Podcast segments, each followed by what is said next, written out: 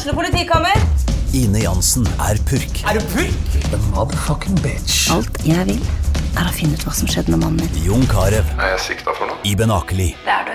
Ole So, Lars Berrum og Big Daddy Karsten. Hvem sin side er du på, egentlig? Anette Hoff, Tone Danielsen, Kommer du fra Afrika?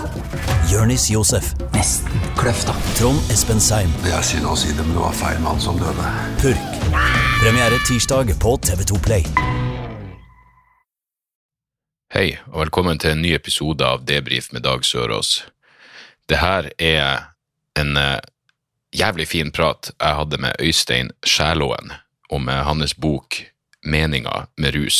Eh, jeg syns det er en god bok, jeg syns det er en viktig bok, og den handler jo i bunn og grunn om ja, som tittelen sier, meninga med rus, og at rus er er og har alltid vært en del av eh, menneskelig eksistens, og at det i bunn og grunn bare er et middel for å eh, På mange måter for å, for å takle hverdagen, både oppturer og nedturer. Og eh, jeg visste på en måte at jeg og Øystein kom til å finne tonen. Det er bare noen folk Jeg kunne bare se et bilde av han, og så skjønte jeg at hei, det her kommer til å bli en, det kommer til å bli en, en hyggelig interaksjon.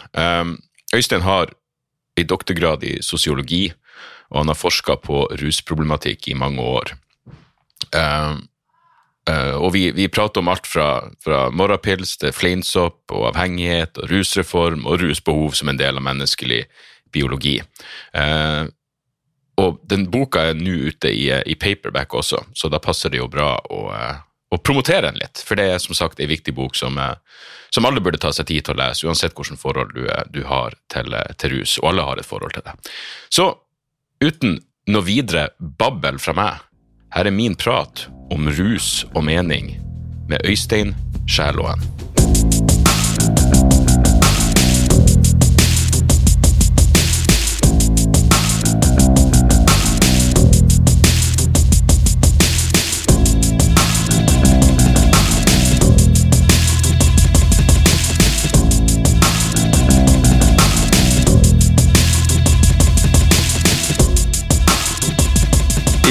Nei, men velkommen, Øystein. Tusen takk.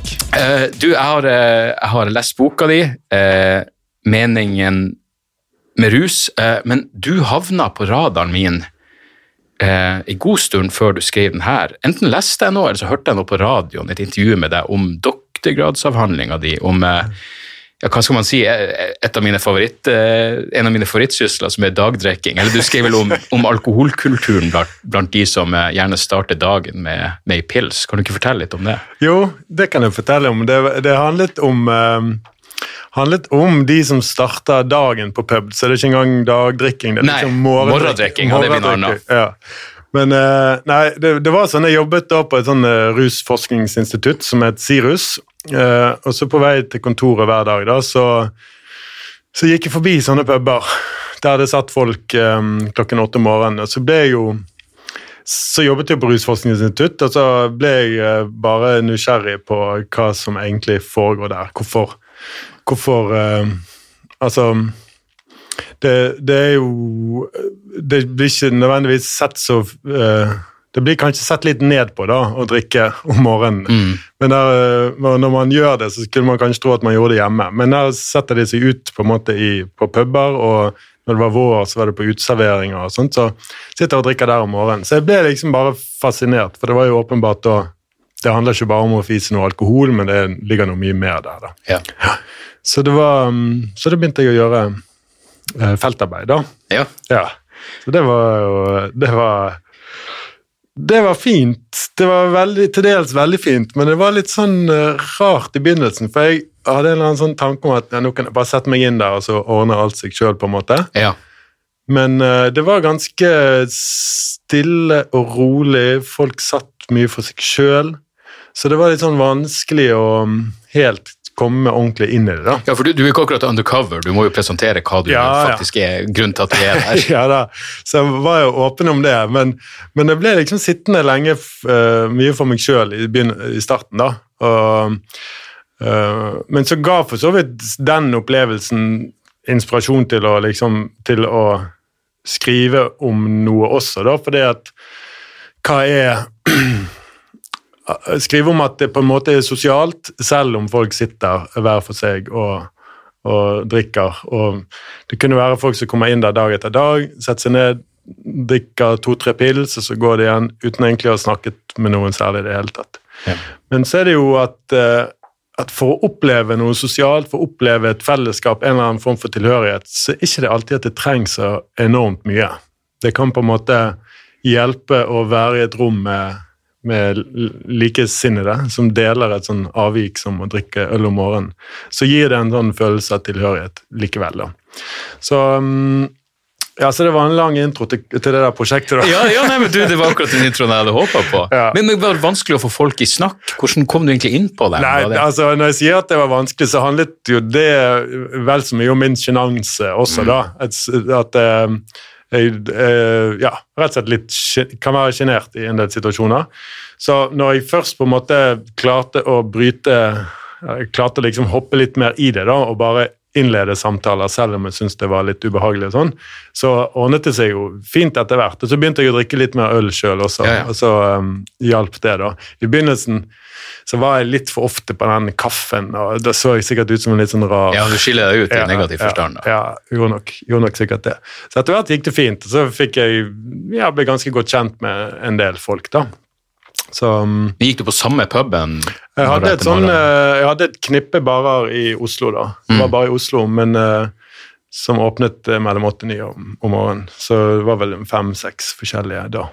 Men akkurat det der med stillhet Jeg har, jeg har selvfølgelig bare noen sånn anekdotiske ganger droppa innom, men jeg husker jeg hadde jeg kom fra en eller annen plass, jeg hadde veldig tidlig mellomlanding i Bodø, så jeg dro på Nordlendingen, som er den type sted. Og det som slo meg mest av alt, var akkurat der du sier hvor stille det var. Det var kanskje en tre-fire stykker, ja, kanskje det var fem stykker der, men tre av dem satt hver for seg, og to satt eh, Men selv de to som var der sammen, sa jeg ikke så veldig mye. Nei. Men jeg la jo merke til det der at når de gikk i eh, for å kjøpe ny, så var det jo en form for Og det påpeker du også, det er en form for interaksjon, bare du, du kjøper deg øl, liksom. Ja. Og, og ja, som du sier, det, der, det fellesskapet. Så det var litt eh, ja, Det skulle ikke forundre meg om du dukka opp med eh, Det, det, for jeg, husker, de, jeg husker tenkte, det, det er mange interessante typer forskning der ute, men akkurat det der virka som er så understudert. og eh, ikke du, Er ikke du som har fortalt også at de har Det, det er ganske sånn å, si hard internjustis blir kanskje å ta litt hardt i, men det er liksom, det sett ned på hvis du blir full og ufin og den type ting. Ja, eller ja, ja på, på sett og vis. Det kunne veksle litt mellom ulike puber. Noen steder var det litt mer akseptert enn andre å være godt bedugget litt for tidlig, da. Men, men sånn generelt sett så var det Så handlet det da litt om um, at um, Eller jeg skrev en artikkel om det som heter 'How to be a good alcoholic'. Ah, som da handler nettopp om det at det er jo mange måter å, å bære en sånn en eller annen form for alkoholisme, da. Um, og som i alle sosiale settinger så lages det hierarkier på ulike måter. Og det skjer også på, på et sted som en sånn morgenpub, da. At, uh, at man, man uh, har strategier for å fremstå på en måte som en alkoholiker med viss grad av kontroll, og da er det ene er jo da at man, man blir ikke dritings klokken ti om morgenen, men man har en viss sånn kontroll over det. Sånn, eh, så det var liksom en av de Eh, en av de strategiene for å, for å ja, bære eh, drikkingen og alkoholismen med en viss sånn verdighet. Da. Men bare det å komme seg ut om morgenen var på en måte også noe. da. At man, og, og det gir jo mening. sant? Fremfor å velte inn i sofaen og begynne å drikke, så tar du på deg noe, du tar kanskje en dusj, du tar på deg noen klær, og du tar trikken, og så er du på en måte ute i, ute i samfunnet på et vis. da. Um, så det var sånne uh, Ja. Og de, og de var på en måte noen sånne hva skal jeg si, slags idealer som de orienterte seg mot. da, Eller Ja. som i hvert fall fant sånne mønstre på det. da. Så um, det var også måte en greie. sant, at det er en de som går forbi, tenker jo kanskje det er en gjeng med alkiser som sitter der og drikker. Eh, For de som sitter der, så er det jo naturligvis et poeng å, å, å, at det fins mange måter å være alkoholiker på. Ja, det, minner meg nesten litt om um, pensjonister som drar ut på kafé bare for å treffes. Og da er det ofte den eh, Jeg har hørt noen si bare det at, at du kommer deg ut, at du har en grunn til å komme deg opp og komme Ja. deg ut. Og, Ja. eh, og så trenger det ikke å være så ekstremt sosialt, men du, du sitter nå ja, blant eh, likesinnede, i dette tilfellet folk i, i samme alder. Ja. Det er også det er evig fascinerende hver gang det er en reportasje fra Gardermoen, eh, hvor de er på utenlandsseksjon. For eh, uten unntak, hvis de tar tak i noen som sitter og drikker øl klokka seks på morgenen, så føler alle for å understreke at det her gjør jeg vanligvis aldri, men når du skal til utlandet, så er det sånn carte blanche for å starte så tidlig som du vil. Så det er jo et eller annet, det er et eller annet med det som jeg tror kan, eh, kan eh, appellere til, til mange. Eh, og så er det jo også det når du sier det å sitte hjemme kontra det å fære ut det er jo akkurat det med at også, det kan jeg merke på meg sjøl, bare omgivelsene betyr så mye. Jeg har til og med en sånn rar greie med at eh, jeg, kommer, ja, jeg, jeg, jeg, flyr såpass mye at jeg kommer meg inn i den loungen på Gardermoen. Ja, ja. Og Der kan du bare hente deg øl. Men det er akkurat som jeg syns det er koseligere å sitte i en bar. Det, blir- selv på flyplassen så er det koseligere å sitte i en flyplassbar, fordi omgivelsene har noe å si. Oppe på den loungen så er det bare masse stress og forretningsfolk. Og blir liksom helt, eh, kommer liksom ikke inn i modus på et eller annet vis. Ja, ja, men det er akkurat som de uh, morgendrikkerne som jeg snakker om. For det koster jo mye mer å gå ut og drikke denne ølen. Ja, ja, nettopp. Og, og, noen, og så kunne jo også være litt prisforskjell mellom de pubene. Men noen gikk konsekvent der det kostet 15 kroner mer enn Ja. det andre. Og over tid så blir det litt spenn, liksom. Ja, ja. eh, men det er det verdt. Eller såpass viktig er det. sant? Ja, det, du, den, den, kan jeg, den kan jeg absolutt, eh, absolutt forstå. Eh, en annen ting, jeg, bare, jeg blir så overraska Eller nå gir det mer mening, men at det er så vanlig å drikke øl blant alkoholikere. Jeg ville tro de bare gikk for sprit, men da blir du vel selvfølgelig full altfor fort. Og, Ja, det er jo sånn greie Du blir jo full altfor fort, så da er det vanskelig det der med å liksom, holde, holde kontroll på et vis. Og så er det jo faktisk i, i Norge så er det ikke lov å servere sprit på barene før klokken ett. Stemmer, selvfølgelig. Så, og av og til tenker jeg at sånne restriksjoner det har en bra funksjon. da. For jeg, jeg, jeg, tror, jeg tror det kunne sett annerledes ut der. Uh, på, ikke nødvendigvis på en pen måte, da, hvis, uh, hvis jeg hadde solgt sprit fra Hvis du starter med whisky, ja. Ja, Ja. ja nei, absolutt. ja, kan- Sprit er jo farlig. Mm, ja, ja. altså, det er jo sykt sterkt. Ja, nei, det er, det er risikovurdering hver eneste gang, egentlig. Men du, uh, jeg må jo også spørre deg, jeg leste jo Du hadde vel du hadde en artikkel i, i Morgenbladet i helga Ja. eh, som etter som jeg forsto var en bearbeida Jeg har hardcover-versjon av boka di, men den er kommet ut i pocket nå. Ja, ja. Med et, eh, et nytt etterord. Eh, kan ikke du bare fortelle litt, for det er, Du hadde noen interessante observasjoner om polet som eh, samfunnskritisk funksjon. Ja, det var det i det etterordet der. Så, så skriver jeg litt om eh, hva skal jeg si, eh, alkohol i, under, det, under pandemien. da.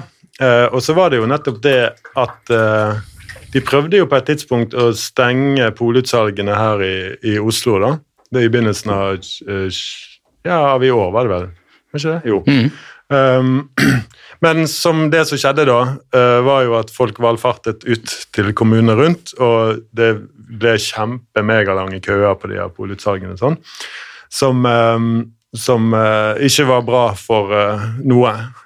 Så de måtte så de måtte bare åpne igjen etter et par dager. Og det var jo interessant i forhold, altså Alt annet kunne jo bli stengt. Skoler treningssentre, alt mulig ble stengt, men akkurat polet måtte de åpne igjen. Så da er det jo, det var, Hva var det som var åpent da? Jo, det var polet og, eh, og apotek, da, omtrent som det, som det eneste der folk flest har, har adgang.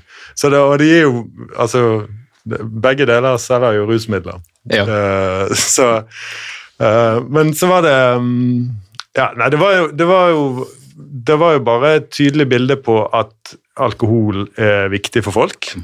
Uh, og så var det tydelig, syns jeg også det var et bilde på at på noe som vi har sett i, i alle, alles ganger det kommer noe sånn forbud og harde restriksjoner mot tilgang til rusmidler, så bryter folk regler. Vi så det i forbudstiden på 20-tallet, vi har sett kriminaliseringen av narkotika. Og så så vi det også nå, da, at vanlige folk de omgår og bryter regler for å, for å få fatt i sitt uh, foretrukne rusmiddel. Ja, Så det det- var også en fin observasjon at Erna var ikke der og, og liksom feira at nå har vi åpna treningssenter igjen. Nei da, men hun satt der med Jeg er usikker på om hun hadde halvliter eller vin, da, men hun satt i hvert fall og skålte. Ja. Um, når jeg, når jeg, etter at jeg leste boka di, så, så prøvde jeg jo Fordi jeg liksom prøvde å Jeg, jeg, jeg er jo komiker, så der er det jo eh, ja, det er sikkert høyere alkoholforbruk i en sånn bransje enn, enn i, i mange andre, men eh, så jeg, liksom, jeg har bestandig kalt meg dranker, fordi i mitt hode har det vært et sånt skille på en alkoholiker og en dranker. Liksom, Ja. Jeg må ikke drikke, men jeg drikker jo garantert mer enn jeg, jeg burde. Men da fant jeg en artikkel om, eh, som handler om at britiske forskere har de har identifisert ni forskjellige typer for eh, Der, brukte de drankere og alkoholikere synonymt. Og jeg fant ut at jeg, jeg passer i hvert fall inn i fire av dem. Jeg, fant ut at det er et sted mellom vennedranker, kjedsomhetsdranker, gjengdranker og hedonistdranker. Jeg føler at det må da gå an å kombinere de der. Men det jeg egentlig ville inn på, var denne ideen Har, har du sett den filmen 'Et glass til'? Ja. Eh, for den, den ideen om negativ promille er jeg altså så solgt på. Fordi jeg, jeg tenker hver gang Hvis jeg var til hver tid sånn som jeg er etter to drinker, så ville jeg vært bedre likt. Ja. Jeg ville hatt, det bedre. Jeg, jeg er bare mye flinkere sosialt. Tankene flyr. Det, det der har kommet ut av sitt eget hode. Ja. Så jeg, jeg syns den filmen illustrerte veldig fint at noen ville klart det fint, Ja. men selvfølgelig selvfølgelig vil det bli undergangen for noen. Ja. Men jeg syns det satte fint fokus på Ja, jeg syns det er en helt, eh, helt briljant film, egentlig, på, på alle vis. Og illustrerer veldig godt Veldig godt det der eh, hva som Hva det gjør, da, å bare få litt hjelp uh, av Ja. et rusmiddel.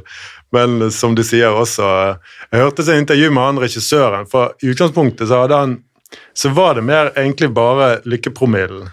Som at det skulle på en måte være en slags ren hyllest til rusen. da. Ja.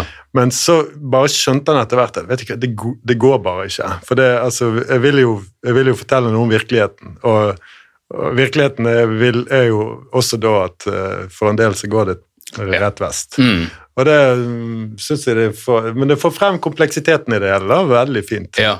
Jeg husker jo når pandemien begynte, så begynte jeg å gjøre en sånn eh, daglig utgave av podkasten min. Bare sånn 20 minutter hver dag, 10-20 minutter hver dag, bare sånn for min egen mentale helse. Og da ble det vanligvis det ble et par glass vin, men det var, det var akkurat nok til at jeg ble i godt humør. Og da var det jo hver kveld. Men jeg bare husker at jeg på et eller annet tidspunkt ble jeg bevisst på hvor glad jeg er at jeg kunne stoppe Ja. etter to glass. Ja. At jeg ikke følte det behovet for å kjøre på videre. For da ble det jo Ja, jeg nådde liksom et veldig godt humør og alt det der, men så var det helt greit at, eh, at eh, det fortsatt er tre timer igjen av kvelden, og jeg Ja. føler ikke for at jeg må fortsette å drikke. Ja, ja, ja. Det- Det, var, gikk du gjennom en bra test? Ja, men jeg tror jeg liker, jeg tror jeg liker å drikke såpass godt at for meg, jeg ville vært livredd for å liksom ødelegge, eh, ødelegge ja, det, det mye, mye, mye, videre karriere som, som dranker. Um, men det er en ting som er, eh, var interessant eh, i boka di, for du, du, du påpeker at em, du sammenligner vel alkoholikere og heroinister, og så skriver du at det er først og fremst et pragmatisk valg hva du ender opp med. Hva du, hva du legger i det? Nei, altså det, det kommer ut fra, fra et sånn em,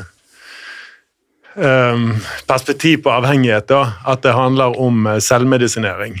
Sant? Eh, og så det, nå, Han har så vanskelig navn, han er da, så nå klarer jeg ikke å huske det. Men, det, Ja. men, men uansett det, det, Jeg vet hva du mener, og jeg, og jeg leste det i dag, så jeg burde i hvert fall huske det. Men, ja. Men eh, som, for, altså, han, hans utgangspunkt var bare at han jobbet klinisk og, eh, og i forskning med avhengighet. Og, og um, det, det, handlet om at når han, han spurte hva er det liksom, rusen gjør for deg, så, så er det alltid at det, det tar bort noe som er vondt. Det demper en eller annen form for smerte. Så, øh, og det er veldig gjenkjennbart. Det kan jo en, til og med enhver av oss som er så heldig å ikke ha utviklet et sånn problematisk avhengighetsforbruk. Vi kjenner vel også til den, den del av øh, rusen, at den kan hjelpe og dempe og skape en nummenhet og sånn, som, som er god, da. Som hjelper på en måte på et eller annet. Um, og så um, Men ja, så, så, da, så, da handler det om at eh, Så da handlet det om uh, selvmedisinering, ja. Og så sier han også at, eh, at eh, det er han som sier det, da. At hvilket, eh, hvilket rusmiddel du ender opp med å bruke, det er det som på best mulig måte tar vekk hjelper på det som er vondt. Mm. sånn at På den måten er det pragmatisk. Hvis du får hjelp av cannabis, så, så bruker du det. Hvis du får hjelp av alkohol, så bruker du det. Hvis du får hjelp av heroin, så får du det. Um, så, men, men eh, jeg merker meg når vi snakker om det nå, da, så var det fordi at jeg, jeg husker jeg holdt foredrag om dette her på et sånt seminar med leger. da, og Da var det en lege som kom bort til meg og sa at han kjøper ikke helt den eh, greien der, da. At det liksom er så enkelt at det er et, et pragmatisk valg. Så, men når vi snakker om det nå, så kjenner jeg at, Ja, at det er litt sånn Jeg vil på en måte ikke fronte det for Nei, mye, da. Men, men, men, men det er noe med Men, men man vet jo f.eks. I, i, i sånn ADHD-medisiner og sånt, så er det jo amfetamin. Mm. Uh, og, og, og for de som på en måte har, har en sånn type problematikk, så er det jo greit at når, hvis de er på gaten og, og får tak i noe amfetamin og tar det, så vil det virke på lignende måter som den legale medisinen vil gjøre. Så, og, og at det er effektivt mot det som er deres kok og kaos. da. Eh, kanskje på en annen måte enn hvis det er noe eh, vonde traumer etter overgrep eller noe sånt som er problemet, så vil heroin være ekstremt effektivt og funke på det, på en måte, da, eller vil dempe det. Så, så til en viss grad så vet man jo at det liksom, i, i medisin så brukes det jo ulike medikamenter for ulike uh, typer uh, psykiske og mentale vansker. da. Um, så, så på den måten så, så, er det, så er det i alle fall noe i det. At, Ja. at det rusmiddelet du ender opp med, er et slags pragmatisk valg. da. Mm. Uh, og Konsekvensen av å tenke på det på den måten blir jo at det er helt absurd hvis vi tenker at en alkoholiker en heroinist i utgangspunktet eh, prøver å bøte på det samme, altså dempe noe smerte.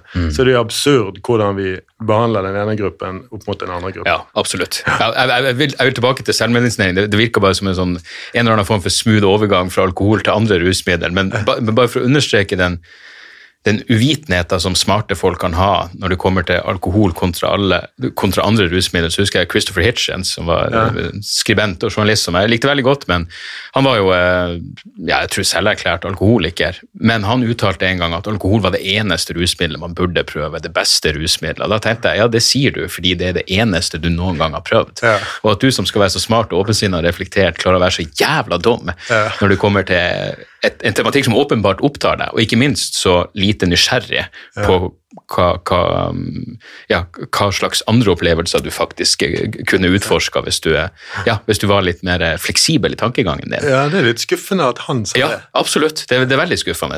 Eh, Richard Dawkins har i hvert fall vært åpen for at ja, kanskje han burde ta en sopptrippel etter et eller annet bare for å, for å åpne hodet. Men, men altså, eh, det, var- det, det var noe av det jeg liker best med boka di, at det, det er liksom det er på mange måter rusforskning uten et sånn ensidig fokus på patologi, det, er- uten det ensidige fokus på alt som kan gå galt. Eh, Men, men kan ikke du prate litt om, for du, du påpeker jo at eh, em, ja, både evnen til rus og jeg vil tro behovet for rus er liksom, det er forankra i biologien vår. Det er en del av det å være menneske. Ja. Er det ikke det? Jo, det, er, det, det kan fint argumenteres for det. For altså, man kan jo gjøre det på, eh, se det på flere måter. Man kan jo bare eh, rent observere, da, eh, gjennom historiske kilder og arkeologi og alt sånt, sånt at, at mennesker har jo rust, brukt, søkt rus gjennom ulike substanser de har funnet i naturen, så, lenge, så langt tilbake vi klarer å se, på en måte. da. Så, så sånn sett er det, er det er bare observasjon at dette er jo bare noe som mennesker har, driver med, og det har de alltid gjort. Eh, men så kan man òg se på det på den måten at eh, rus sant, At vi forbinder jo rus gjerne med Altså, man inntar rusmidler, da, men det som skjer i hjernen når man inntar rusmidler, det er jo at disse belønningssystemene iverksettes eller aktiveres, og det strømmer av alle disse gode signalstoffene, dopamin og serotonin og alt dette. Og det er jo det samme, de samme mekanismene i hjernen eh, forekommer jo også når man gjør det som er aller nødvendigst for vår overlevelse. Sant? Når, vi, når vi forplanter oss, og når vi, eh, når vi eh, spiser mat. Mm. Uh, sånn at, så, så sånn sett er vi rett og slett vi er rigget for uh, rusopplevelser. Det, det ligger på en måte i vår uh, grunnleggende biologi. Så, så da er det jo ikke overraskende, at når, når, når mennesker uh, har jo alltid sikkert likt å ha sex, og de har alltid likt å spise, de merker at det gjør godt, og når de da altså har funnet andre ting i naturen enn de der nøttene eller det der dyr, eller når de fant andre ting som, som også gjorde noe med Ja. med hodet, da. Ja. Og kanskje, litt, kanskje enda litt sterkere enn den der eh, rå kaninen gjorde. Eller. Så, eh, så, så ble de jo selvfølgelig nysgjerrig og tok det inn i kulturen. Sant? Så det er jo også Man ser det at, eh, at overalt Altså når mennesker har funnet noe i sine omgivelser som gir rus, så har de tatt det inn i kulturen på, på ulike vis. da. Og sånn sett er det jo litt tilfeldig sant? at det, vokser jo ikke cannabisplanter vilt her, men det har det gjort i andre steder av verden. Så i, i India og i, i Kina sånt, så var cannabis og der var så opium mye brukt. Og det blir brukt på, på mange lignende måter som vi har brukt alkohol her til lands og sånn, da. Men uh, vi har hatt alkohol, og de har, de har hatt uh, andre ting, da. Så um, Ja, hva var det du spurte om? Ja, det, det, det er en del av vår biologi. Det er i hvert fall Rus en naturtilstand for, det, for, eh, Ja. for menneskeheten. Ja, vi er, vi er rigget for det, og vi har liksom alltid, alltid gjort det. Og, og det er på en måte en sånn biologisk forklaring, men, så, øh, men det, som man kan dra ut av det andre, at vi også ikke bare spiser over sex, men at vi tar det andre rusmiddelet, det kan jo vise til behov for å liksom et eller annet strekke ut, se noe nytt, oppleve etter opplevelser på en måte som går utover det vante. Det er ikke liksom noe vi driver med nå, det har vi drevet med Ja, det, det, er derfor det så, det er derfor jeg sier det er så bra med noe, noe eh, observasjoner om rus som ikke bare handler om ting som kan gå galt. På samme måte så hvis, hvis alt av sexprat handler om uønska graviditet og kjønnssykdommer, og ikke det at det kan føles ganske bra, så ville det vært helt perverst. Ja, det ville vært perverst. Men, men jeg husker, apropos det, for det er sånn, eh, sånn eh, Når jeg lærte om rusmidler på ungdomsskole og videregående, så var det jo liksom eh, Det var jo no, no, no. Det var liksom all skade, alt forferdelig. sant? Og Altså, Jeg tror ikke det er en lur strategi, men jeg, men jeg er samtidig tilhenger av at vi, ungdommen liksom, Det er bra at de kuler han litt med den heftige rusen og sånn. Det, det syns jeg, se- selv om jeg kan synes at rus er bra for mennesker, så, så er ikke det bra å gå på syretripper når man er 13 år. liksom. Nei, absolutt. Så liksom, den ideen om at vi, vi prøver å holde ungdommen litt borte fra det verste, støtter jeg fullt ut. Jeg vet ikke om det er så god strategi å bare si nei, nei, nei. da. Jeg vet, altså, jeg, det er min anekdote. Altså, jeg, var, jeg, jeg kan huske at eh, ei i klassen min dro på Rock mot rus på Andøya Ja. og hadde et bilde av en fyr hun ble forelska i som satt og røyka en joint. Og for meg så var det sånn Det her var ungdomsskoler, eh, hasj var heroin. altså Jeg hadde ingen, det, jeg syntes det var helt sinnssykt, og jeg kunne ikke, for, jeg kunne ikke forskjønne hvorfor hun Jeg hadde selvfølgelig noe at jeg var forelska i henne, og nå var hun forelska i en narkoman i mine øyne. Men, men liksom, jeg, jeg hadde et så unuansert syn på, på narkotika. Jeg hadde ingen interesse for det, det var bare fy-fy i mine øyne. Og så på videregående så hadde vi det rene klassiske politiet kommer inn for å fortelle oss hvorfor vi ikke må røyke hasj. Det var det de fokuserte på da. Og så var det jo selvfølgelig en jypling som hadde lest seg opp på noe og begynte å stille han der politimannen til veggs. Og han ble så svar skyldig at til slutt så sa han bare dere skal ikke røyke hasj fordi det er ulovlig. Og jeg tenkte jeg var ikke den smarteste, men jeg skjønte at det ikke er et godt argument. Hvis det er alt du har å komme med. Og det gjorde meg, paradoksalt nok, mye mer nysgjerrig, og var en bidragsyter til at jeg liksom prøvde det for første gang. For, jeg, for jeg, da, Det var ikke så du så igjennom den, den, den propagandaen og måten du blir, blir løyet til. Og det er jo derfor jeg ja, absolutt tenker at eh, eh, eh, si, lære ungdommen om, om rus, men hvis du har en litt mer eh, virkelighetsnær tilnærming til det, så kan du jo faktisk forberede dem på, eh, på hva det virkelig vil, vil si på ordentlig. På en helt annen måte. Det tror jeg. Eh, ja. Uh, og, og, så- men- og det var òg den liksom uh, uh, I forhold til sånn sexundervisning, da, så det jo, var det jo også mye fokus der liksom på, på, på liksom å unngå graviditet og kjønnssykdommer og sånt.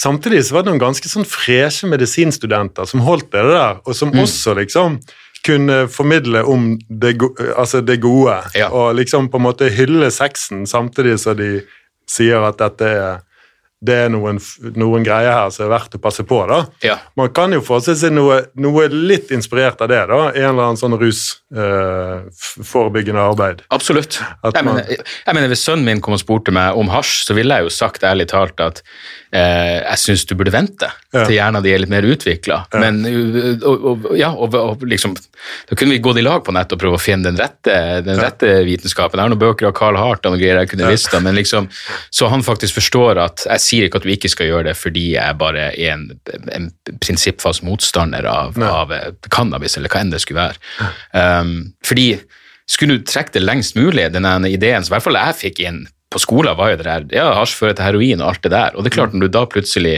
ser at hasj er adskillig mindre farlig enn det de sa eh, En ureflektert ungdom som meg kunne jo like gjerne da tenkt at nei, men da er sikkert ikke heroin så farlig. Ja, det er det. Eh, det er heldigvis ikke, da, men, men eh, ja, nei, det, det, Ja, det er jo en annen ting. Det er sykt eh, Altså, det er potensielt eh, ekstremt farlig å, å bruke ett begrep for alle de her forskjellige stoffene. altså absolutt. på en måte at hasj og heroin havner i samme bås, på en måte. Det er jo, det er jo absurd, Mm. Ja. egentlig. Det hører jo ingen steder hjemme, egentlig. Så, mm, så det er jeg tror, det er mye vi kan bli bedre på. Men en ting du gjør veldig fint i boka, er jo å, å ha sånne jeg holdt på å si dagligdags eksempel, men også si helgerelaterte eksempel på folk som eh, Du beskriver liksom fint vanlige folk som drikker vin eller drikker, tar seg en gin tonic eller hva enn det skulle være, og så, eh, og så har du akkurat like normale beskrivelser av folk som tar MDMA eller røyker en joint eller et eller annet. Og jeg tror det virkelig er en av de beste måtene du kan bryte ned eh, hva en slags stigma som måtte eksistere mot, eh, mot, eh, mot eh, ulovlige rusmidler. Men også det der med at eh, ja, at det brukes på samme måten som en form for mange, som en form for belønning. liksom. Når jeg kommer meg gjennom arbeidsuka, og, eller hva enn det skulle være for noe, jeg har en eller annen ting jeg skulle feire. Um, jeg tror jo det blitt bedre eh, i forhold til Jeg, jeg tror folk er blitt atskillig mer, mer opplyst enn de var tidligere, men uh, Ja, det, det tror jeg jo. men, uh, men ja, jeg har holdt på med en bok nå som heter Drunk, av en som heter Edward Slingerland. Han argumenterer for at alkohol var det som la grunnlaget for sivilisasjonen. Han mener at det var noen av de første liksom, tingene de, når de begynte å, å, å slå seg til ro og starte med, med landbruk og sånn. Så var det liksom det å, å, å fremskaffe alkohol var liksom en av de tingene som, som førte at de satte seg ned og diskuterte, og Ja. som igjen i, det ekstreme var liksom det som la grunnlaget for, eh, for demokrati. Og du påpeker jo i boka di at eh, symposium Ja. har et utgangspunkt i det betyr å, hva, hva å drikke sammen? eller? Ja, sympotein Ja. kommer det ut fra. Det betyr å drikke sammen, ja. Ja, nettopp. Ja. Jeg refererer til en sånn historiker som Bjørn Kviller, som han, eh, han sier vel at grekerne oppfant politikken fordi de hadde rikelig tilgang på vin. Ja. Så for disse symposiene var, var helt der diskuterte de og tok opp uh, saker, men det, var litt symposium uten at de drakk, så alt foregikk ja. liksom neddynket i, i vin på et eller annet vis. da. Mm. Uh, men, men det, jeg fikk lyst til å spørre deg om denne boken. Det er ikke, Jeg har hørt uh, en gang om uh, For du snakker om alkohol Altså et grunn... Altså, som et fundament i sivilisasjonen, Ja. da. Men, men så, så har jeg òg hørt en teori, hvis jeg ikke bare har drømt det, da, men, men, om, eh, men om at at altså, den første apen som reiste seg på en måte og gikk på to bein, Ja. det var også under influence. Ah. At, det, at det liksom det var alkohol som fikk oh, sier du det, ja? så, så sånn I evolusjonær sammenheng så er Ja. det også så alkohol bidro til å løfte oss opp på to bein. på en Ja, for jeg, jeg, det, jeg har ikke hørt den om alkohol, men jeg har hørt den Stone Ape Theory og alle de ideene om okay. at selvfølgelig er det noen som har en idé om at eh, eh, det menneskelige hjernen eh, vokste så veldig mye i størrelse på kort tid, og ingen har noen ordentlig forklaring på det. Og det er selvfølgelig noen som mener at ja, men de har ikke plukka opp noe sopp eller et eller annet ja, spist noe som gjorde at den begynte å tenke annerledes, og, gudene vet. Men, eh, Ja, gudene vet. Ja, nei, men det, det tror jeg noe med. Det er derfor jeg liker du, du skriver på et tidspunkt at rusmiddel i moralsk forstand er på linje med et, eh, et kirkebesøk. At det kan ha den samme funksjonen. Det er det som er når folk prater om naturlig rus. Jeg benekter ikke at eh, hvis noen springer et halvmaraton eller et eller annet, så får du en, en rus. Men på samme måte som at du tar i deg et eller annet rusmiddel, så, så er det jo eksternt på et eller annet vis. Men Du må gjøre noe Ja. for å få den rusfølelsen. Og så er det selvfølgelig da interessant med, med rusmiddel at når du prater om at det forankrer i biologien vår, det er jo noe i biologien vår som gjør at vi blir rusa. Hvis det ikke var reseptorer for de her tingene i hjernen vår, så, så hadde vi vel ikke fått noen ting ut av det. Nei, nei. Hadde vi bare følt oss um, forgifta. Ja. Eh, men ja, det, det var nesten et, et, Den her var vel skrevet i 2019, tror jeg. Ja. Så det er nesten trist å lese når du skriver at det jobbes nå med et eh, rusreformutvalg og alt det her. Fordi eh, du, du påpeker jo at 40% tror jeg det var av lovbrudd i Norge er narkotika. Ja, ja, 40 av alle straffereaksjoner. Straffereaksjoner, ja. ja, ja. Nei, da, det er jo definitivt ikke 40% av lovbrudd, eh, men 40% av straffereaksjoner. Ja, akkurat. Eh, det, men jeg, jeg, jeg, jeg, kan ikke skjønne annet enn at det å endre e, sin egen bevissthetstilstand, som er det vi egentlig prater om, at ikke det er sett på som den mest grunnleggende rettigheten du egentlig kan ha. Jeg, jeg, jeg kan ikke skjønne For meg så virker det som om det er essensen av tankefrihet. Ja. Og du, du, påpeker jo eh, noe som heter skadefølgeprinsippet. Eh, om det var Mill eller om det var norsk lov, husker jeg ikke. Ja, det, vel, det, kommer vel fra John Stuart Mill, eh, men det, det er på en måte regnes som et sånn prinsipp for grensene for hva man kan kriminalisere. Nettopp. I et, i et liberalt samfunn. Ja, og der var jo eh, sitatet var så lenge eh, ikke andre skader seg i handling, har ikke staten rett til å hindre den med makt. Ja. Eh, så når folk går hardt ut mot, så er det jo Jeg, jeg blir bestandig forrørt, jeg, jeg, jeg, sliter med å, med å, konkretisere et spørsmål her, men jeg mener bestemt at, at statistikken på Um, liksom, hvem som får et problem med rusmiddel, enten alkohol eller, eller ulovlig rusmiddel, er sånn mellom 10 og 20 uh, Så det virker ganske Er det noen andre plasser hvor vi, hvor vi, har så mye fokus på Det påstås i hvert fall at det er motivasjon. Vi må tenke på de som vil få et problem med det her. Mm. Uh, for det kunne jo selvfølgelig gjelde fastfood eller hva enn det skulle være for noe også, ja, ja. uten at folk vil kriminalisere det. Ja. Så det er noe ekstremt puritansk som ligger i bånn her, er det ikke det? Jo, det går fint an å, å frame det sånn. Ja.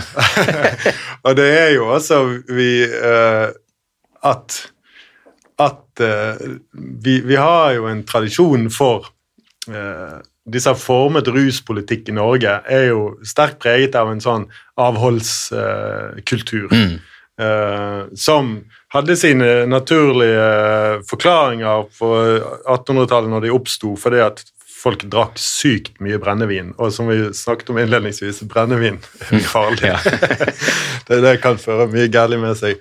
Men, men, uh, men, det har nok fulgt i en sånn En eller annen sånn uh, um, det, det, er jo ikke tvil om at det, det, uh, det en, har vært en moralsk fordømming av, av, av, det å ruse seg. Og narkotika kom liksom inn som helt helt uh, passende, grei ting å gå så hardt ut mot. da. Um, det, det er jo mange forklaringer hvorfor, hvorfor alle de her stoffene ble så sterkt kriminalisert. og Du kan jo peke på liksom uh, I USA så ledet det hele an, og på en måte at der handlet det jo om å, straffe de svarte som røykte cannabis. altså det, Kinesere og ja, hele hva det skulle være. ja. Mm. ja. Så det, det, er mye liksom, mange sånne forklaringer på det, men, men, men at det, det der men at vi kriminaliserer eh, vi, vi, Det var liksom Man har ikke sett på det på samme Det har vært helt jeg, jeg tror det var helt merkelig for eh, veldig mange å se at det å røyke seg en joint og, og drikke alkohol, at det kan liksom handle om det samme, da. Mm. Uh, så, så, det å Så ja. Men, og, og, det er jo kanskje det som jeg tenker, og som jeg prøver å få frem i den boken òg, at, at eh, vi gjør ting på veldig mange forskjellige måter, men i bunn og grunn så handler det om det samme, mm. som er de der, det der overskridelsen, det der endre bevissthetstilstanden i noen måter som man, man liker. da. Nå snakket jeg meg vekk fra spørsmålet. Nei, jeg, jeg, tror, jeg, tror, du svarte på spørsmålet. Det var bare jeg som brukte ti minutter på å formulere et spørsmål. Det, det, det, er mange tanker når det kommer til akkurat det her, det her temaet. Um, uh, og en, en, av de tingene som, som jeg tror som i hvert fall er bare sånn umulig å benekte, uansett hva man måtte mene om, om rus, er det jo at det er en sammenheng mellom rus og kreativitet. Jeg mener, Det kan jeg jo se bare jeg skal skrive vitser. så er det jo liksom, ja, Sitt gjerne edru og prøv å formulere noen tanker om hva du skal snakke om, ja. men så tar du, eh, tar du noen enheter før du går opp foran folk og skal prøve å si det her, så skjer det et eller annet. Og jeg, jeg kan jo merke uh, ja, det, det, er ubestridelig. Jeg, jeg, vet ikke hvordan det er liksom for uh, Du må jo merke det uansett hva du jobber med, vil jeg tro bare at tankeprosessen din endrer seg ja. eh, av alkohol. Så at, at den ikke skulle gjøre det på på, på andre rusmidler er jo utenkelig, og der kan det jo faktisk være, være enda tydeligere. Jeg, jeg hørte sånn, Det er visstnok det noen som påstår at sweet spoten for alkohol er 0,8 pros- eh, 0,80 promille.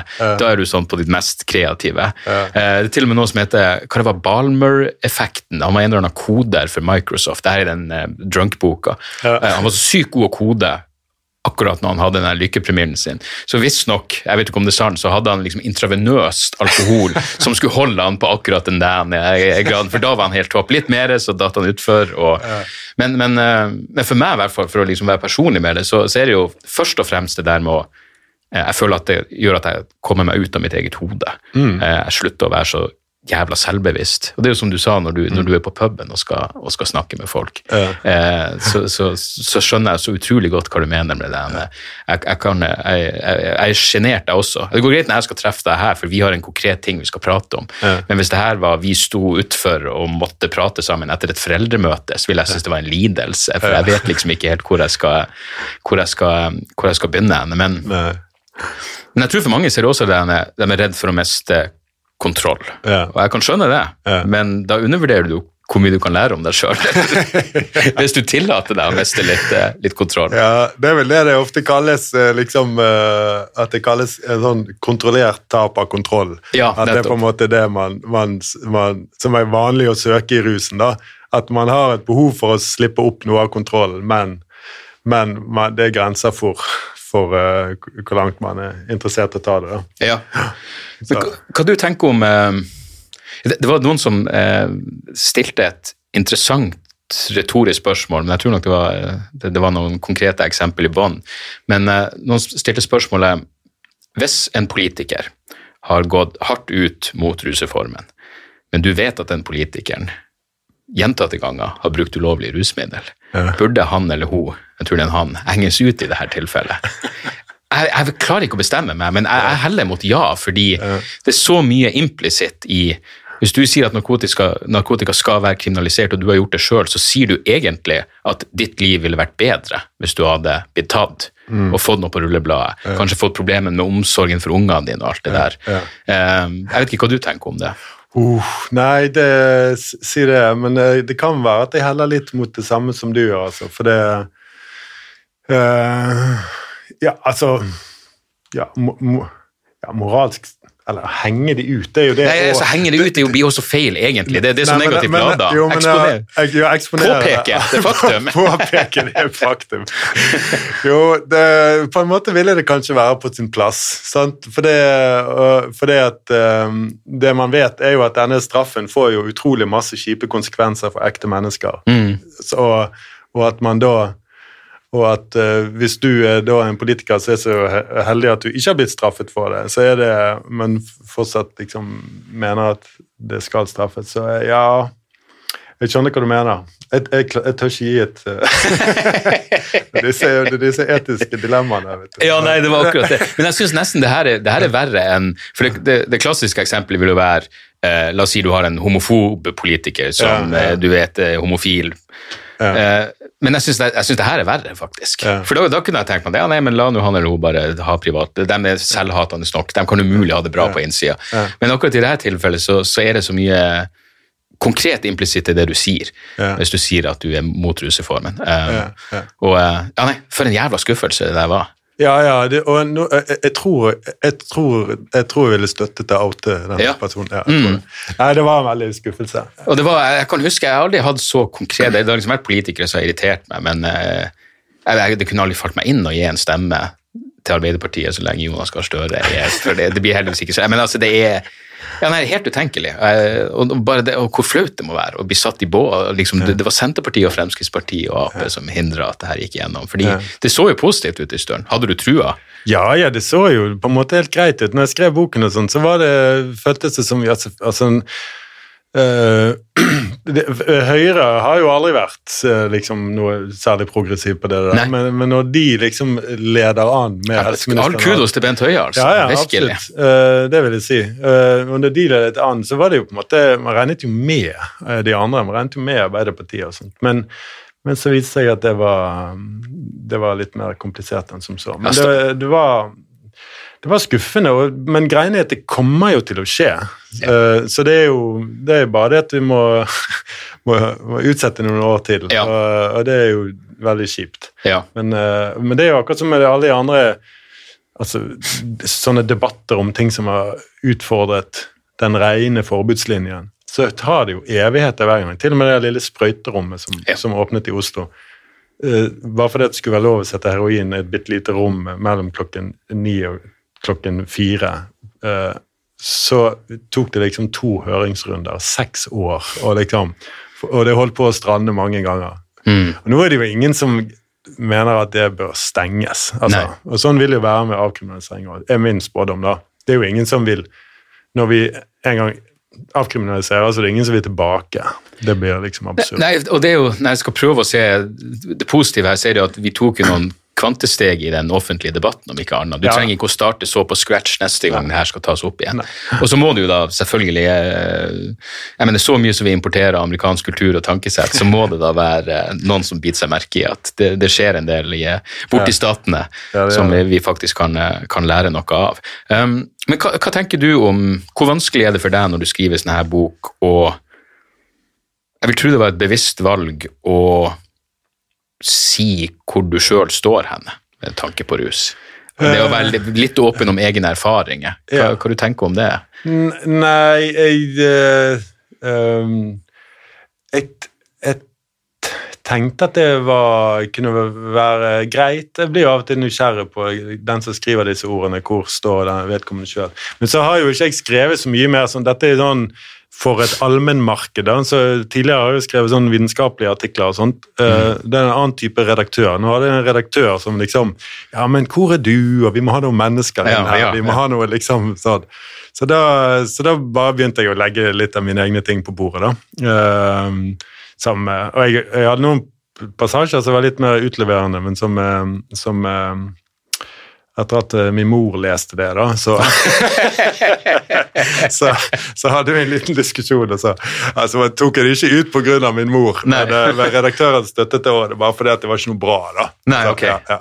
Men, eh, men jeg er ikke så fryktelig drøy sjøl, egentlig. Men jeg har gjort meg noen erfaringer med, med liksom, stort sett med alkohol og en del med cannabis. Sånn, og, og liksom syns det er greit å si at det, det fint. Så, så det var det liksom den ene uh, Men en annen, det som jeg kanskje syns var vanskelig, eller som jeg, eh, var viktig for meg å holde balansen på i den boken, der, var jo det at uh, jeg ville jo ikke at det skulle være en sånn ren, naiv hyllest til rus. Sant? Jeg jobber jo på sprøyterommet. Mm. Jeg har liksom jeg vet om all mulig el- elendighet, og jeg støtter all forskning som fokuserer på problemer. og Det er viktig, på en måte.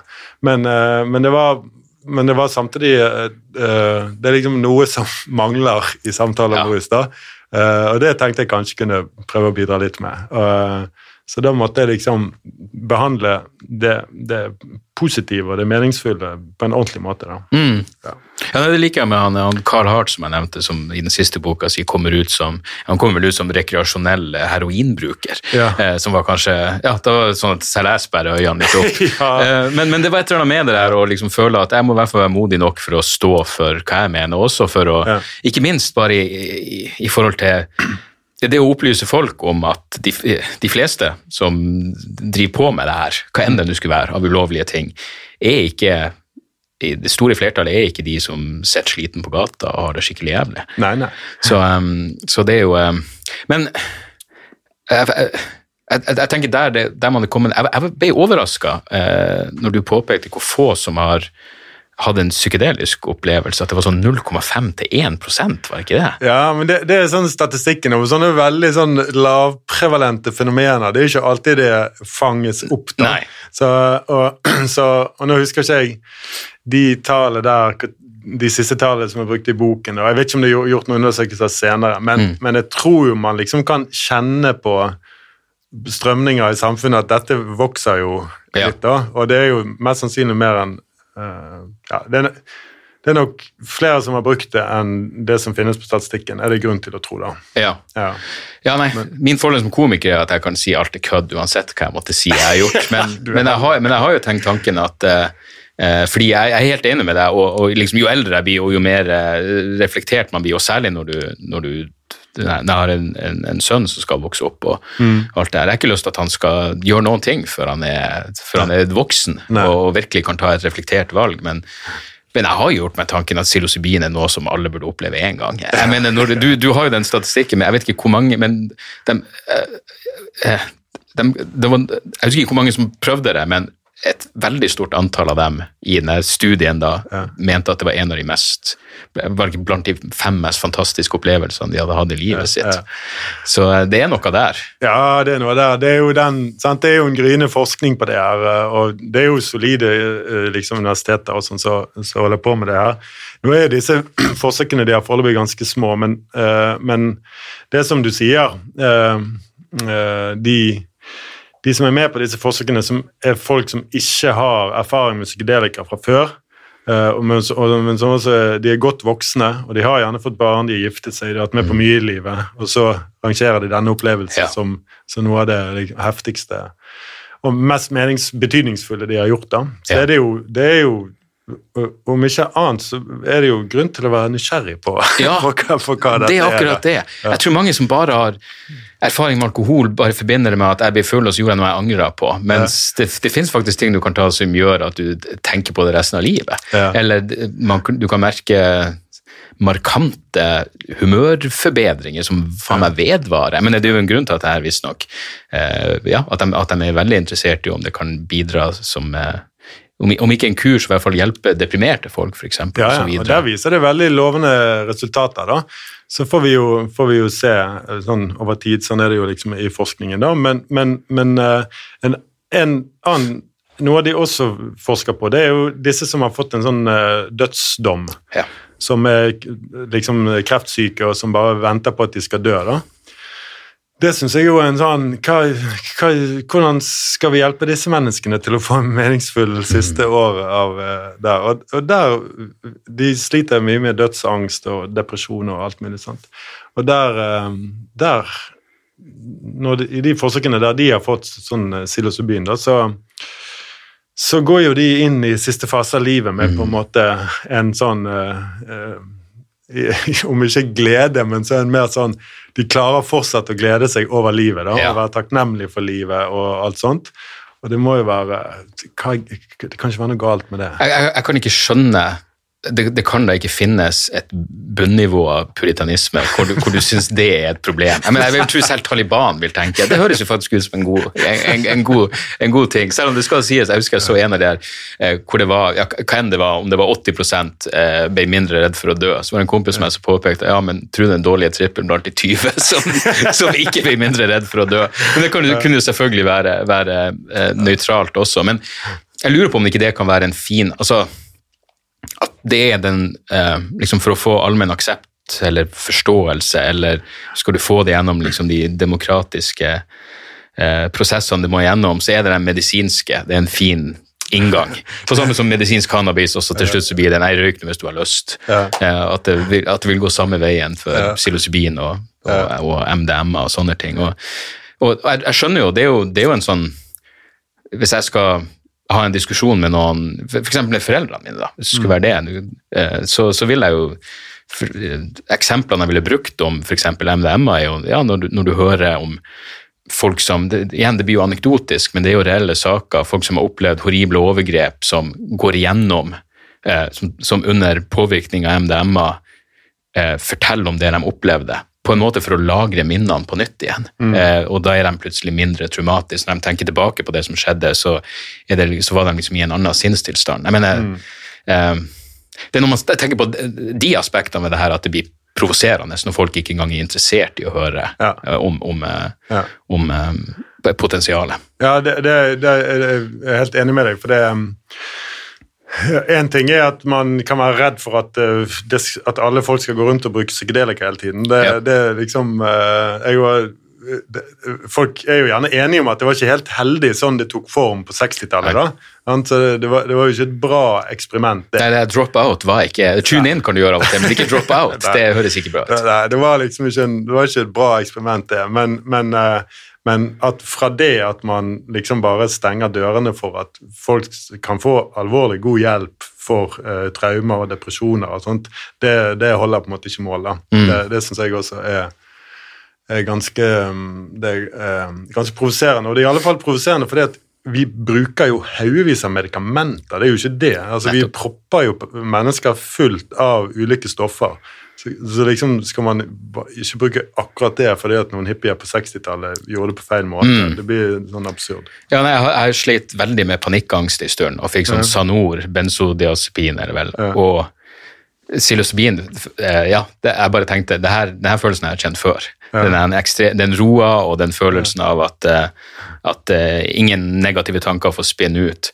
Um, Ja. ja, det, det, der var det noen, noen, noen eh, likheter. ja. eh, som, og så er det også interessant med du, du har vel en Jeg vet ikke om du nevner han i boka, men du har en fotnote med Sam Harris. Ja.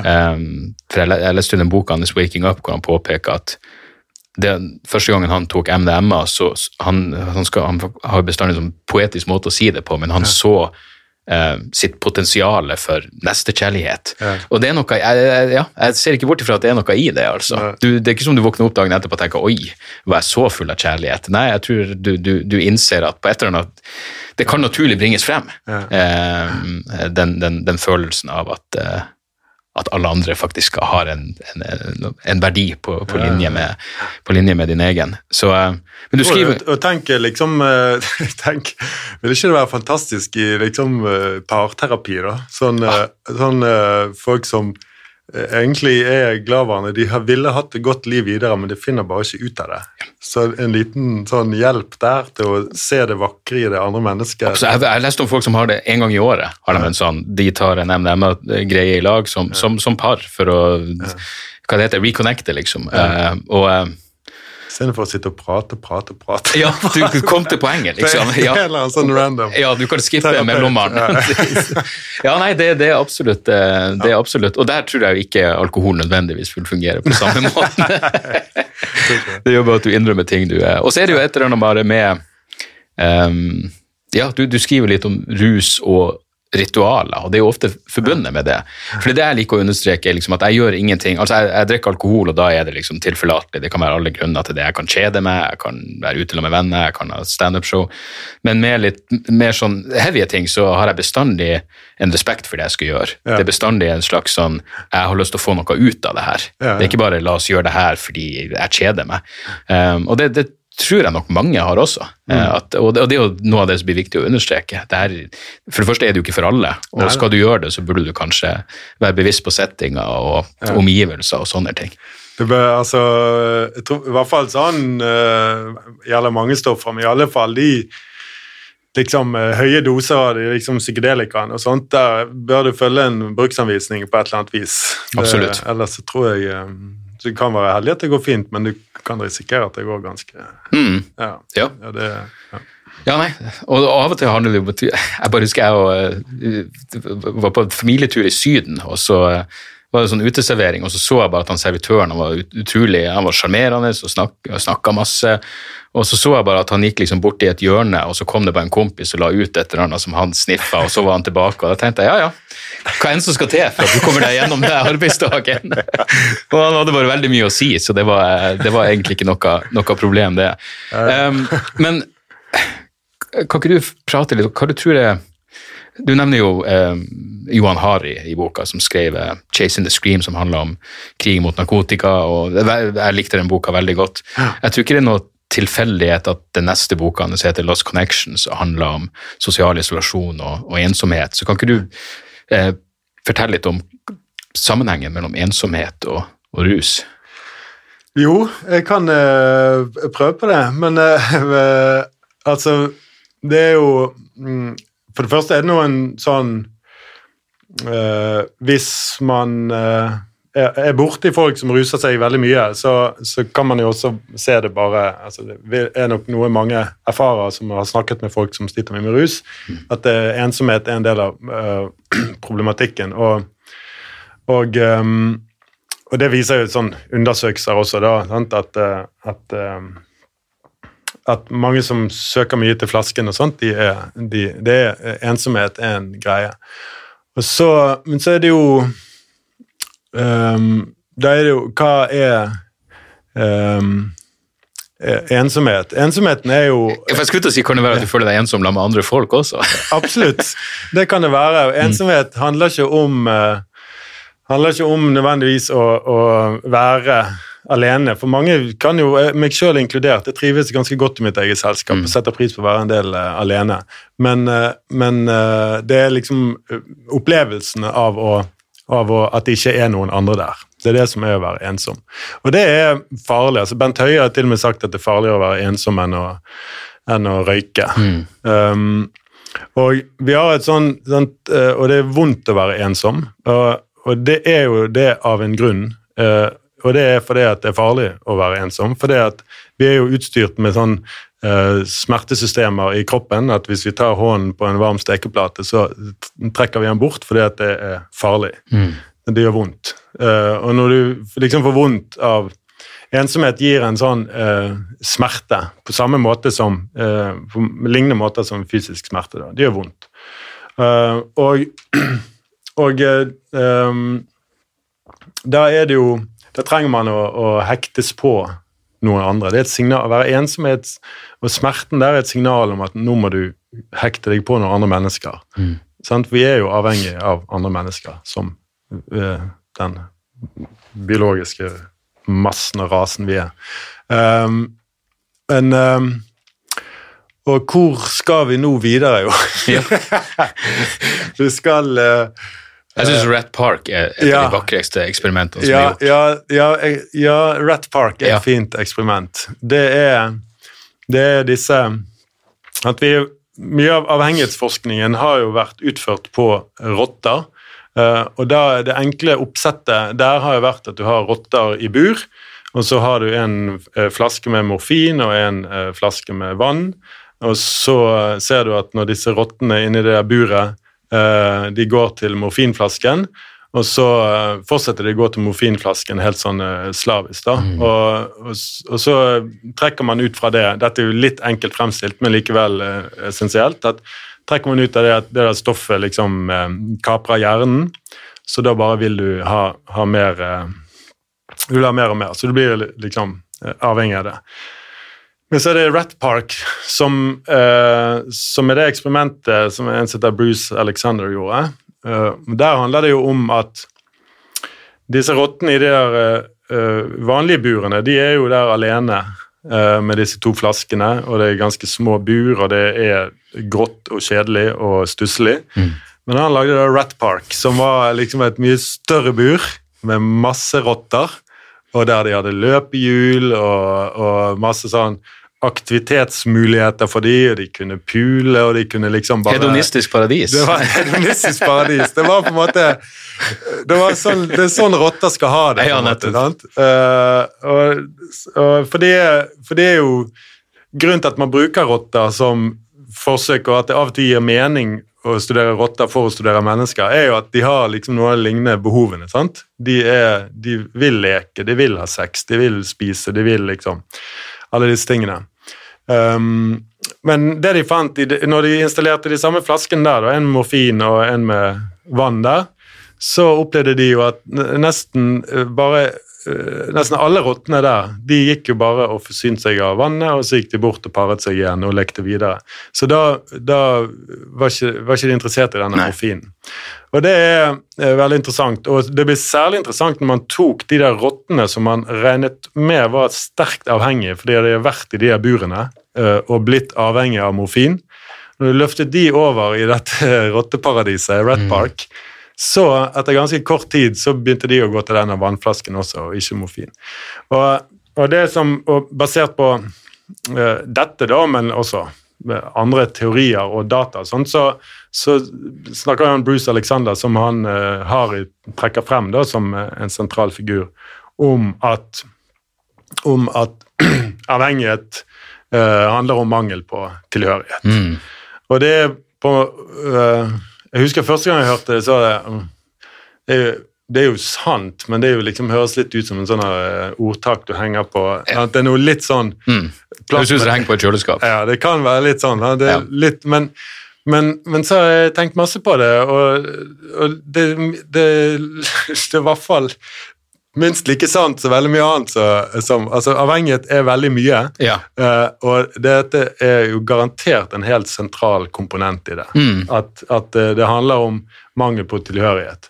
Og det er det som skjer, uh, denne ensomheten som vi snakker om, hvis, hvis du ikke klarer å connecte med andre mennesker, da, så kan du connecte med, med flasken eller med et eller annet stoff. Og, det, og det, det kan gi deg på en måte den tilhørigheten som du ikke klarer å, å, å skaffe på annen måte. Um, så, så da er det jo um, Ja, og ja, Det er masse å si om dette, men, men eh, det som også går an å si om det, er at hvis man tenker sånn på det, og hvis man tenker at dette er sant, som det er all grunn til å gjøre, det er i hvert fall en sterk del av bildet, så er det jo ganske fucked up hvordan vi hvis vi, hvis vi tenker at det, er disse som vandrer rundt på gaten, Ja. uh, junkiers, og de er, det bunner i en sånn dyp, dyp ensomhet, så er det jo ganske grovt. sånn Ja, men du kan jo se han er, med, hva han heter, Gabor Matte, en, eh, han jobber med rusavhengige i Canada. Mm. Og hans anslag var 90% av de han fikk inn, hadde, som, som sleit med en eller annen form for avhengighet, hadde en eller annen form for misbruk. Seksuelt misbruk, Ja. Mm. emosjonelt misbruk, hva enn det var. Eh, og jeg husker bare Første gang jeg hørte det, så var det liksom det, det går liksom av et lys i hodet hvor du ser ikke på noen som sliter på samme måte igjen. Du blir i hvert fall kvitt den ene. Og det, det er derfor det er bare det det er det jeg ikke skjønner med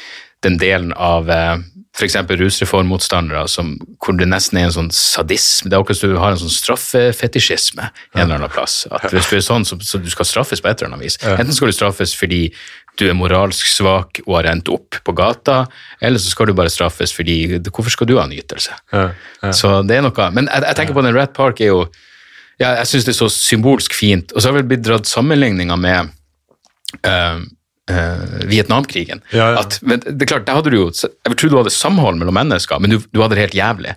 Uh, og, og stor andel av amerikanske soldater begynte jo De røyka vel heroin. og og, og, og amerikanske myndigheter drev og forberedte seg på at de fikk en massiv problem når de her folkene kom hjem. Men så kommer du tilbake til USA, tilbake til kjære og venner og familie. og Hvorfor skal du fortsette å røyke heroin? Nå er jo livet fint igjen. Ja. Så jeg føler det oppsummerer Ja. veldig mye. Og det er der jeg føler meg heldig. Liksom. Jeg, jeg bestandig ser på ja, rus er kanskje en liten ferietur fra min egen hjerne, men jeg vil jo hjem igjen etterpå, Ja. fordi jeg har det bra. Ja.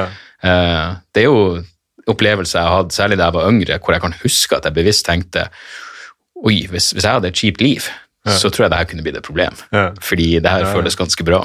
Ja, det er det. Det, det er det, det hvis, det, Kanskje flere burde tenke det. Ja, absolutt. Ja. Men det er jo der det jeg bare elsker at du skrev du, på, Mot slutten av boka så skriver du at, at uh, rusen er krydderet i tilværelsen, ikke måltidet. Eh, og det er det jo heldigvis for 80-90 av oss. Eh, samtidig så var mitt favorittsitat i boka di, egentlig det jeg vil avslutte med, er følgende Om man ikke trenger overskridelser for å overleve, så trengs det gjerne for å leve et liv man ønsker å leve. Kan det være. Ja, det er, det, det, er mye, det er mye i det. Men eh, jeg syns i hvert fall det er helt topp at du, eh, at du skriver denne boka, og eh, for et bidrag til en mer rasjonell tilnærming til noe som vi bunn, i bunn og grunn alle har et behov for. Så hva er det neste på agendaen? Har du flere bøker i det? Eh, ja, kanskje, men uh, jeg vet ikke helt om, uh, om den skal handle om rus. Men det kan vi heller snakke om om, no, om noen år. Ja, gjerne det. I mellomtida så må folk absolutt sjekke ut eh, meninga med rus eh, ute i paperback nå. Bare Ja. det jeg ville jeg gjør, ikke det at det faktisk kommer i paperback? Jo, altså For meg er det utrolig gjevt. Det betyr at folk leser den, og at de fortsetter å kjøpe den. og sånt. Så, så jeg syns jo det er helt, helt fantastisk. Så er den billigere òg nå. Ja, absolutt. Løp og kjøp. Du, takk for praten. Det var veldig trivelig. Jo, takk det samme. Veldig Ja. kjekt. Moderne media. Da er det reklametid, og ukens annonsør er fiken. Hør her, jeg, jeg, jeg, avskyr ordet regnskap. Ordet regnskap eh, gir meg assosiasjoner som er uhyggelige. Det får meg til å tenke på andre uhyggelige ord som ettersyn og underlivsundersøkelse. Men regnskap er et nødvendig onde, og fiken er et så enkelt regnskapsprogram at selv jeg kan klare å ha kontroll på finansene hvis jeg bruker det. Eh, Du kan registrere kjøpene dine bare med å ta et bilde av kvitteringa med appen, og så kan du bare hive, hive kvitteringen. Hvor nydelig kan det bli? Og Fiken forholder seg også til regnskap med overkommelige ord. Det er ikke masse overkomplisert økonomisk terminologi. De kaller det kjøp og salg i stedet for hva enn de kaller det på BI. Og du kan, eh, du kan få fiken til å sende purringen dine, sånn at du slipper å gjøre det sjøl. Slipper du de der flaue øyeblikkene hvor du må skrive 'unnskyld meg, men det står noe utestående her, kan du fikse det fortest mulig', eller må jeg sende, sende mafiaen etter deg? Nei, fiken fikser det så kan du skylde på algoritmene. Du slipper dårlig stemning. Jeg syns det er utrolig greit å slippe å styre med sånne ting sjøl, og nå kan du prøve fiken gratis i 30 dager. Hva, hva har du å tape? Bokstavelig talt ingen verdens ting. Så gå inn på fiken.no og prøv fiken gratis i 30 dager. Ok? Det var ikke så vanskelig.